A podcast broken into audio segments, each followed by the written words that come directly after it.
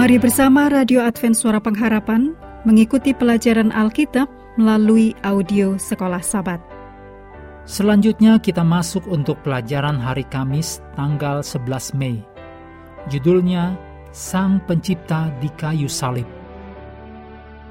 Mari kita mulai dengan doa singkat yang didasarkan dari Wahyu 14 ayat 7.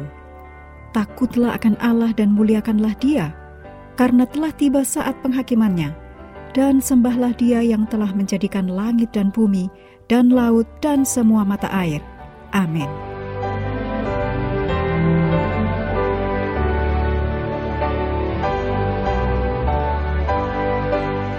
Betapapun kita bisa dan mengagumi serta menyembah Tuhan sebagai pencipta kita, ada yang lebih dari itu.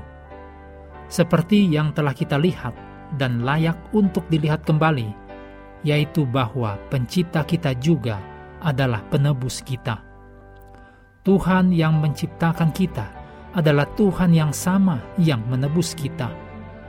Tuhan yang berkata, "Baiklah kita menjadikan manusia menurut gambar dan rupa kita." Seperti yang ditulis dalam Kejadian 1 ayat 26. Adalah oknum yang sama yang di kayu salib berseru, "Eli, Eli, lama sabaktani. Artinya, Allahku, Allahku, mengapa engkau meninggalkan aku? Yang ditulis dalam Matius 27 ayat 46. Bicara tentang mengapa takut akan Tuhan, lebih dari itu adalah untuk memuliakan Dia dan juga untuk menyembah Dia. Bagaimana kita, sebagai manusia yang jatuh, dapat dengan semestinya menanggapi kebenaran yang menakjubkan seperti ini? Apa yang bisa kita lakukan sebagai tanggapan kita? Kita diberitahu dalam pekabaran malaikat pertama apa yang harus dilakukan, yaitu dalam Wahyu 14 ayat 7 dikatakan, Takutlah akan Allah dan muliakanlah dia, karena telah tiba saat penghakimannya, dan sembahlah dia yang telah menjadikan langit dan bumi dan laut dan semua mata air. Yohanes 19 ayat 16 sampai 30 adalah catatan Yohanes tentang Yesus di kayu salib.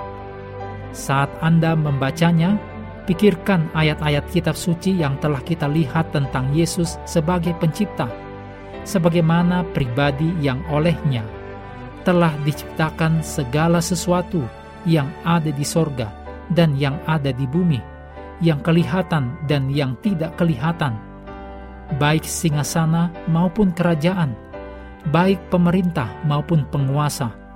Segala sesuatu diciptakan oleh Dia dan untuk Dia. Demikian ditulis dalam Kolose 1 ayat 16. Bagaimana kita menanggapi ungkapan kasih Tuhan yang luar biasa ini? Pekabaran malaikat pertama untuk menyembah Sang Pencipta diberikan setelah salib, setelah diketahui oleh alam semesta yang menyaksikan dan para pengikut Kristus bahwa Tuhan yang menjadikan langit dan bumi, laut dan mata air adalah pribadi yang sama, yang meskipun menjadi Tuhan, mengambil rupa seorang hamba dan menjadi sama dengan manusia dan dalam keadaan sebagai manusia, ia telah merendahkan dirinya dan taat sampai mati, bahkan sampai mati di kayu salib. Demikian ditulis dalam Filipi 2 ayat 7 dan 8. Sungguh suatu pertunjukan besar yang luar biasa bagi mereka yang mengenal Yesus sebelum dia datang ke bumi sebagai manusia tidak heran makhluk surgawi juga menyembah Yesus. Kita yang ditebus oleh darahnya, apalagi yang bisa kita lakukan selain menyembah pencipta dan penebus kita.